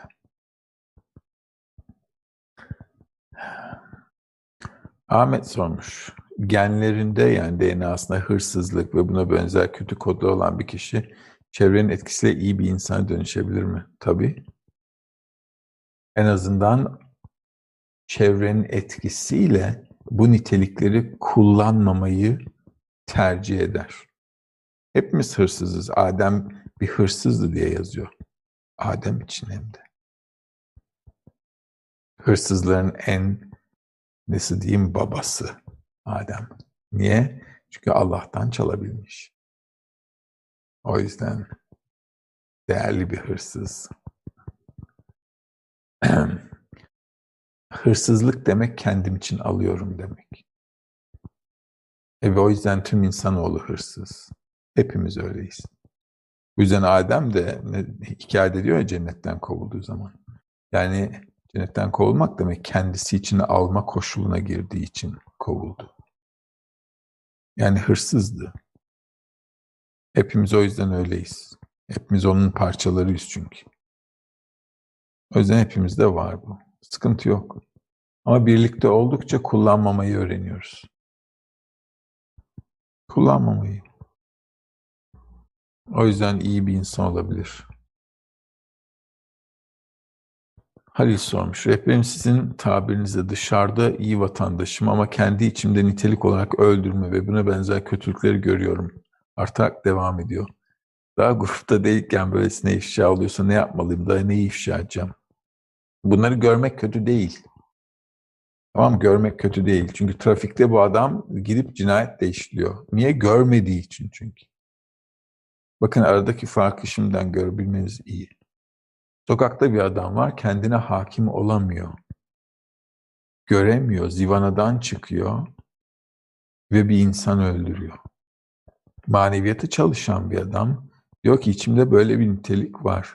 Bunun farkında olmam çok iyi. Çünkü şimdi bunu kullanmamayı yani kullanmam. Tam kötü olduğunun farkına vardım. İçimde böyle bir şey var. Kendimi alıkoyarım. Nasıl alıkoyacağım? Yine çevrenin etkisiyle alıkoyacağım. O şekilde. Gerçekten. Hepimiz için öyle geçerli. O yüzden çalışan adamla çalışma arasında dağlar kadar fark var. Yüzyıllar. Onu söyleyeyim.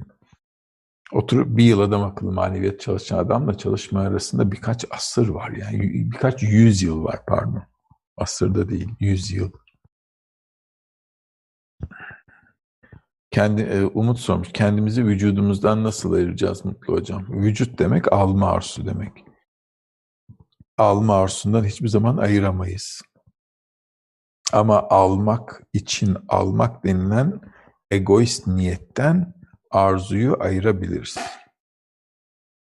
Bu da ancak dostlarla birlikte olursam olur. Her şey beni neyin etkilediğine bağlı bakın. Bunu bu şekilde not alın. Her şey beni neyin etkilediğine bağlı. O yüzden ben bir şey seçmem lazım. Beni neyin etkilemesini istiyorum? Maneviyatın mı? Dünyeviyatın mı? Çok basit bakın olay. Hiç fazla karmaşaya gerek yok. Yaradanın maneviyatı herkes için kolay derler kabalistler.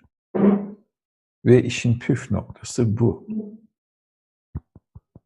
Sadece bu soruya cevap vererek ilerlerseniz her şeyde hayatta sıkıntı çekmezsiniz.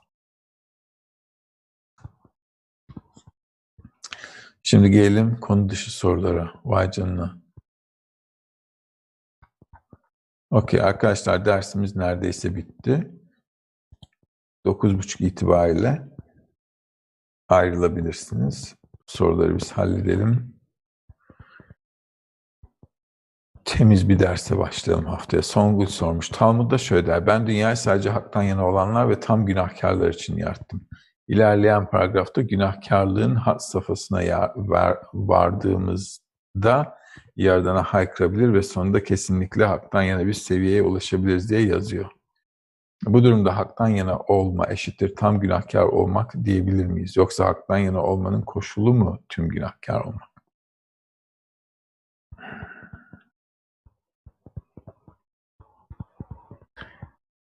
Tümüyle günahkar olmak ne demek? Tümüyle alma arzumu keşfettim demek. Ama sadece sadece benim dünyada en kötü insan olduğumu keşfetmem demek. Bu şekilde tümüyle günahkar. Tümüyle haktan yana olmak, bunun hepsini ıslah ettim demek. Yani ihsa etmeye çevirdim demek. O, tüm dünya sadece tümüyle günahkarlar ya da tümüyle haktan yana olan içinler mi yaratıldı? Doğru. Ama bu kişi için geçerli. Sokaktaki adamdan bahsetmediği kesin.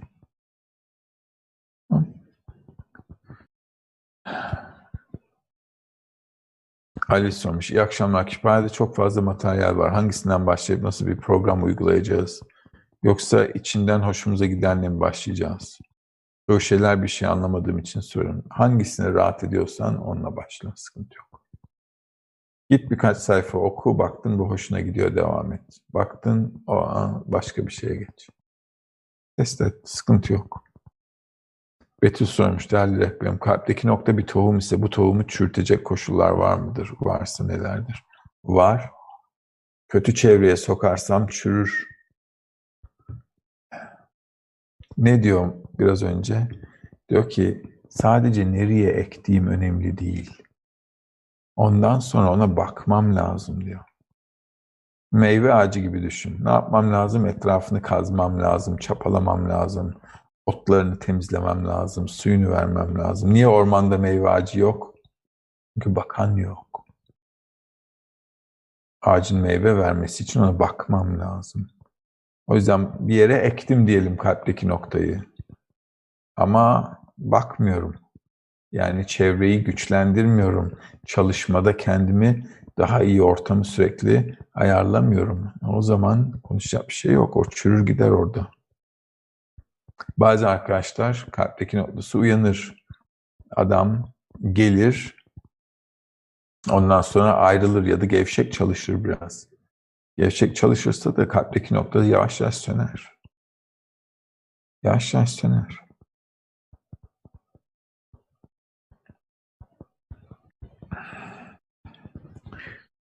Serdar sormuş. Selam, bir konuşmanızda dinleri kabalistler çıkardınız. Sen dinler uydurma mı? Ben bir tek Yaradan'a inanıyorum. Sorum şu, İslam'a tüm dinlere inanmıyorum. Yaradan'a isyan mı etmiş oluyorum? Arkadaşlar, dinlerin hepsi, dinlerin hepsi derken yani, bu yüzden hikaye. Şimdi bak, Kabala ilmi bize Adem peygamberden geliyor. Tamam mı? Kabala ilminin der, tarihi var. O dersi izle. Ve peygamberlerin anlattığı bir tek şey var. Yaratılışın amacı. Yaratılışın amacı. O yüzden yaratılışın amacına gelmek istiyorsa bir kişi, o kişiye maneviyat öğretilir. İbrahim peygamberin Babil'de öğrettiği gibi vesaire. Maneviyat da şu demek, kişi bu dünyada yaşarken Yaradan'ı algılaması. Yani ben ve Yaradan. Yaradan'ın, Yaradan bilinmek ister derler. Yani insana bilinmek istiyor, insanla bağ olsun istiyor. Yaratılışımızın amacı dolayısıyla Yaradan'la bir bağ inşa etmek. Şimdi insan doğası vahşi bir hayvan gibi olduğu için ve eğer adam da Yaradan'la bağ kurmak gibi bir arzusu yok ise Kabalistler ne yapıyorlar? Diyorlar ki bari biz bir organize bir toplum yapalım yoksa bunların hepsi birbirini kılıçtan geçirecek. Yani toplumu organize ediyorlar. Ki doğru yaşayabilsinler. Ve dinler oradan çıkıyor. Gerçekten de oradan bak ne diyor dinler? Birisini öldürme, çalma, e, paylaşın diyor. Tamam mı? Paylaşın. Tamam ihtiyacın kadar al gerisini paylaş. Diğerlerine bakın. Toplumda fakir olmasın. Tamam kadının kocası olduysa ona toplum baksın. Ki başıboş olmasın, aç kalmasın ya da kötü yola düşmesin. Tamam toplum kendisini koruması için tüm sistemi geliştirdiler. Ve bu mantıklı. Ben de bazen sokaktaki insanları, mesela dışarıdaki insanları bazen program vesaire olduğu zaman ne yapmamız lazım diyorum. Birbirimize bakmamız lazım diyorum. Ben bir dinden bahsetmiyorum ama birbirimize bakmak zorundayız. Hayat bize bunu gösteriyor. Çünkü birbirimize bakmaz isek bakılmayanlar daha iyi koşulda olanları öldürüp onların sahip olduğu şeyleri alırlar. Normal bu, doğal bir şey. O yüzden hırsızlık, gasp, cinayet, tecavüz bunların hepsi artışta. Niye artışta? Çünkü nasıl yaşayacağımızı bilmiyoruz. O yüzden geçmişte kabalistler halka yani ne yapabiliriz ki bunlar iyi bir koşulda yaşasın. En azından minimum iyi bir şekilde yaşasın. Onu oturtmaya çalıştılar. Ve söylüyorlar da kendileri bu 2000 yıllara kadar gider. Ondan sonra çünkü egoizm hiç hiçbir din, hiçbir insanın şimdiki egosunu dizginleyemez. Dizginleyemeyeceği de bilinen bir şeydi. Ama ne özelliği var bizim zamanımızın? Bizim zamanımızda insanlar giderek daha çok hayatı sorguluyor. Eskiden sorgulamıyorlardı. 40 yılın başında bin adamdan biri gelip de neden yaşıyoruz diye soruyordu. Çünkü adamın hayat derdi vardı. Adamın ekmeği yoksa manevi falan düşünmez. Yani eskiden insanlar günü günü günü birlik yaşıyordu. Yani bugün ne yiyeceğimi daha bilmiyorum. Bilmiyorum. Sabah uyandık ne yiyeceğiz? Bakalım var mı bir şeyler. Öyleydi hayat. Şimdi ise baktığın zaman dolapta her şey var ama herkes depresyonda.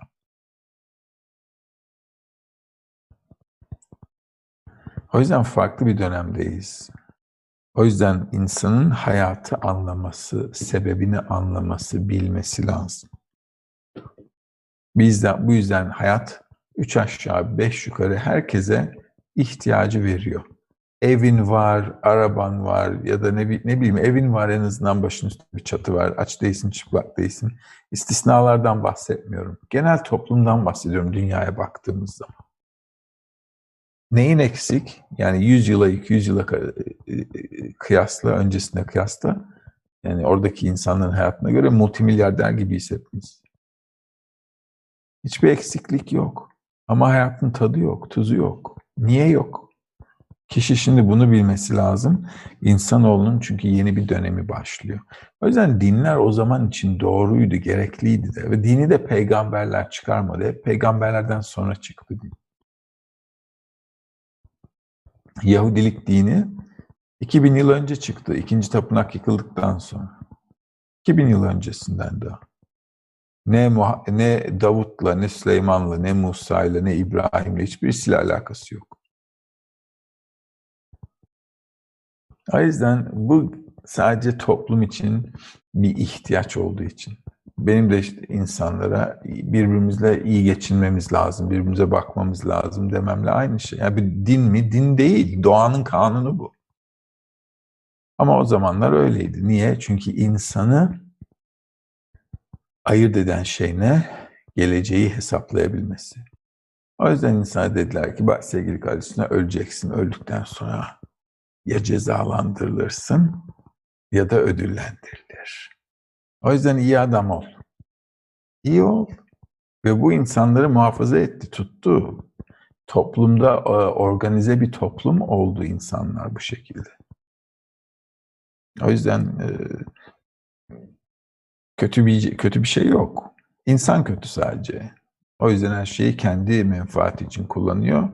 Bu yüzden dinlerin içinde bulunduğu durum bu noktaya geldi ve gelmek de zorundaydı ki insanoğlu artık tatmin olamaz bu tür şeylerle. Bir üst safhaya çıkmak zorunda.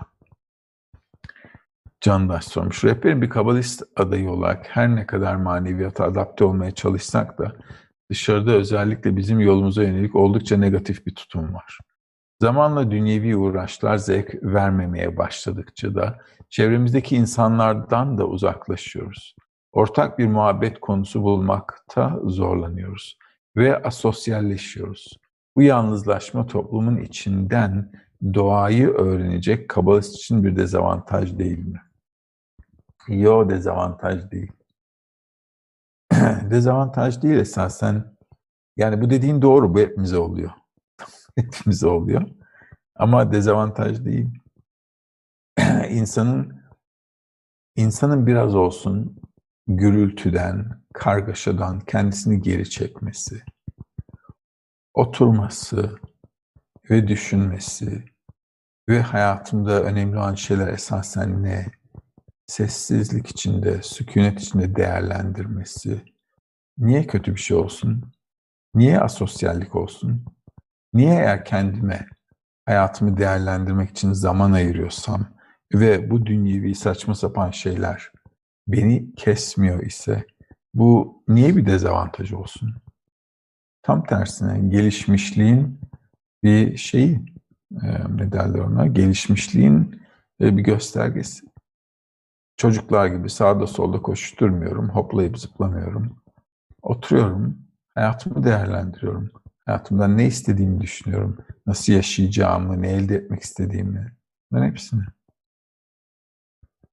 Doğan sormuş. Rehberim Kabada'dan önce yaratılışın amacı ne diye soruyordum. Artık Yaradan ne yapıyor, nasıl bir şey Yaradan'ın amacı, ne gibi şeyleri yani Yaradan'ı merak ediyorum. Bu doğru bir yaklaşım mı? Doğru. Hepimiz merak ediyoruz. İnşallah kendisiyle de buluşuruz yakında. Hı? Yaratılışın amacı o. Yavuz sormuş. Selam rehberim. Güçlü bir histe biliyorum ki maneviyattan uzaklaşmak gibi bir durumum yok. Bunu yaşadıklarımdan biliyorum. Fakat maneviyatta da yeterli doyum alamadığımı görüyorum. Aldığımdan fazlasına ihtiyaç duyuyorum. Ve bu durum benim dünyevi hazlara göz çevirmeme neden oluyor. Fakat dünyevi hazların neticesinde de basit bir haz ve sonra pişmanlık yaşıyorum. Bu durumu nasıl aşabilirim? Ve tecrübelerle, böyle tecrübe tecrübe yaşayarak, dünyevi hazlardan haz almadığını göre göre göre göre, adam der ki bari maneviyata yöneleyim. O da hesap yapıyoruz yani. Eşeği inekle değiştirmek gibi. O şekilde. Tecrübelerle, acı tecrübelerle. Sıkıntı yok ama herkes de öyle. Mansur sormuş. Cansız bilgisayar hayvansal bütün seviyelerde bir ara geçiş formu var. Konuşan seviyeden insan seviyesine geçerken de olacak mı? Var tabii kalpteki nokta var. Ama hayvansal insandan manevi insana geçiş arasında kalpteki nokta var. Kalpteki nokta o yüzden çok önemli. Onun vasıtasıyla oluyor. Yani maneviyatı edinene kadar adam ve kalpteki noktası beraber. Ramazan sormuş. Rehberim aşırı ihsan etmek ve mutlu olmak dünyayı ıskalamamızı sağlıyor. Bunun ötesine geçebilir miyiz? Aşırı ihsan etmek ve mutlu olmak daha ihsan etmeye gelmedik üstünde duruyoruz. Ha? Ama mutlu yaşıyor. Mutlu hissediyorsan kendine iyilik yaparak sıkıntı yok. Devam et. Çalışmaya devam ederiz. Sonra yeni safhalar oluşur. Mail ile gelen soruları da hemen cevap verelim. Yavuz sormuş. Derste özgür seçim dersi neredeyse maneviyat dahil hiçbir konuda özgür seçim olmadığını vurguladınız. Ve maneviyata gelişimizin bile bir arzunun neticesi olduğu vurgulandı. Yaşamımız ve onun getirdikleri arzumuzun yörüngesinde gerçekleşiyor ise arzularımızı değiştirebilecek özgür seçimimiz mevcut mudur? Arzularımızı değiştirmiyoruz, değiştiremeyiz. Arzuyu nasıl kullanacağımızı değiştirebiliriz. Adam bir alma arzusu, bu değişmeyecek. Değişmeyeceği için de bunu değiştirmemiz gerekmiyor. Biz sadece hayata yeni bir yaklaşım inşa etmek istiyoruz. Bunu yapabiliriz. Bu yeni yaklaşımda arzumuzu nasıl kullanacağımıza yönelik. Menfaat için mi? İyilik için mi? Yani kendi menfaatime mi yoksa başkalarının menfaatine Hasan sormuş. Kabala'nın zihinsel engelli bireylere bakışı net, nedir? Zihinsel sorunları varsa yani nasıl bakış açısı nedir? Bu sorumun amacı ruhların reenkarnasyonu oluyor mu ve olurken her şey sıfırdan mı başlıyor yoksa bilgi aktarımı oluyor mu? Burada sık sorulan sorular var e, oynatma listesinde Hasan. Sık sorulan sorular listesine gir. Orada reenkarnasyonla ilgili birkaç şey var. Oradan git. Niye uzun? Çünkü bunun cevabı o yüzden bir de dersi biraz uzattık. Ama oraya girersen bakarsan sorular cevaplara orada birçok şey var. Melisa sormuş. Bu dünyanın kurallarına göre yaşamaktan manevi dünyanın kurallarına yaşamaya geçebilmek için bazı koşullar gerekmektedir.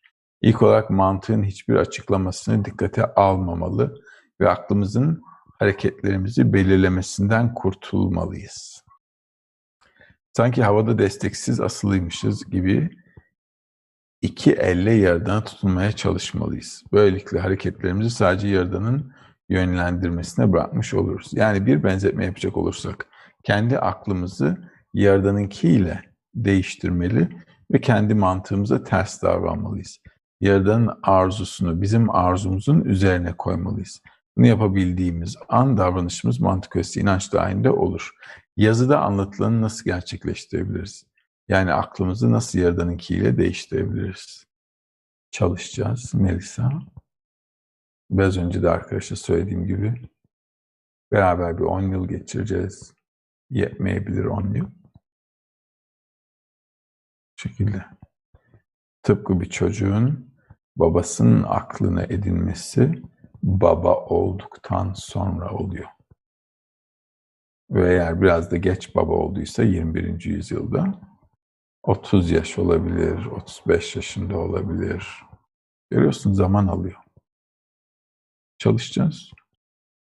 Onu sormuş. İbranice öğrenmenin Kabala öğrenmeye pozitif katkı sağlayacağını düşünebilir miyiz? Siz İbranice dil öğrenimini Kabala açısından tavsiye eder misiniz? Arzunuza bağlı arkadaşlar. Bu sizin arzunuza bağlı.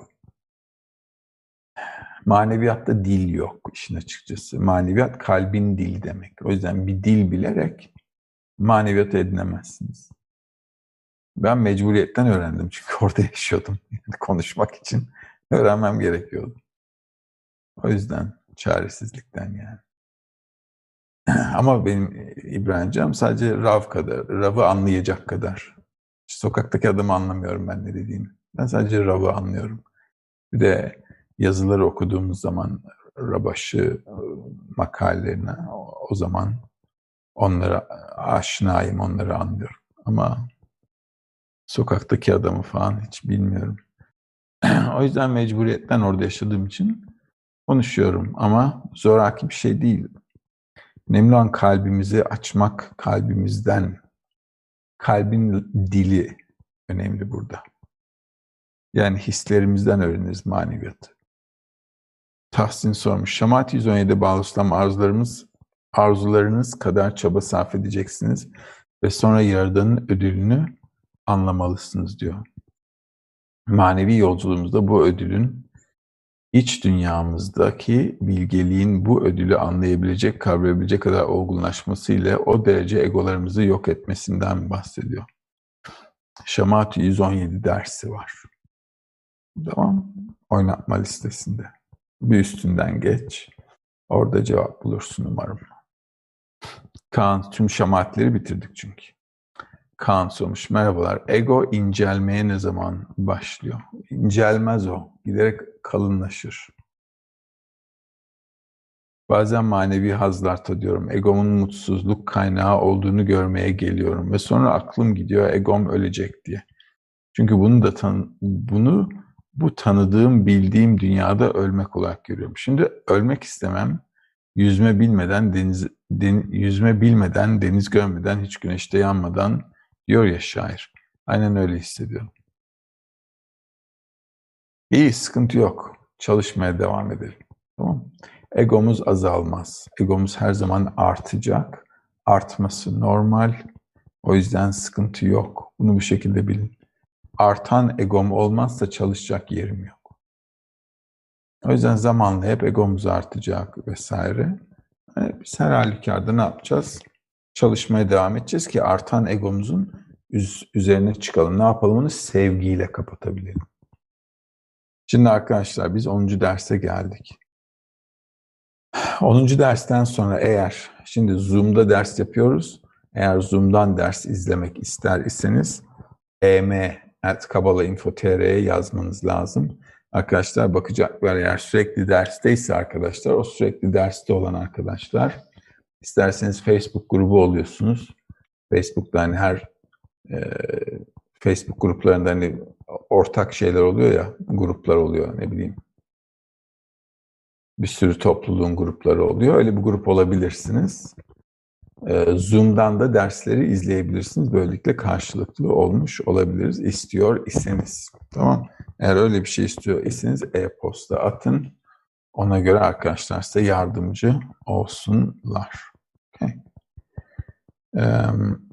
Durum bu. Eğer Facebook'ta da öyle bir grupta olacaksanız lütfen uygun bir profiliniz olsun. Tamam Arkadaşlarla eğer bağ kurmak istiyorsanız nesiniz, ne değilsiniz, yüzünüzü, gözünüzü görsünler. Öyle e, absürt profiller olmasın yani. Tamam Normal bir insanın profili nasılsa o şekilde olsun.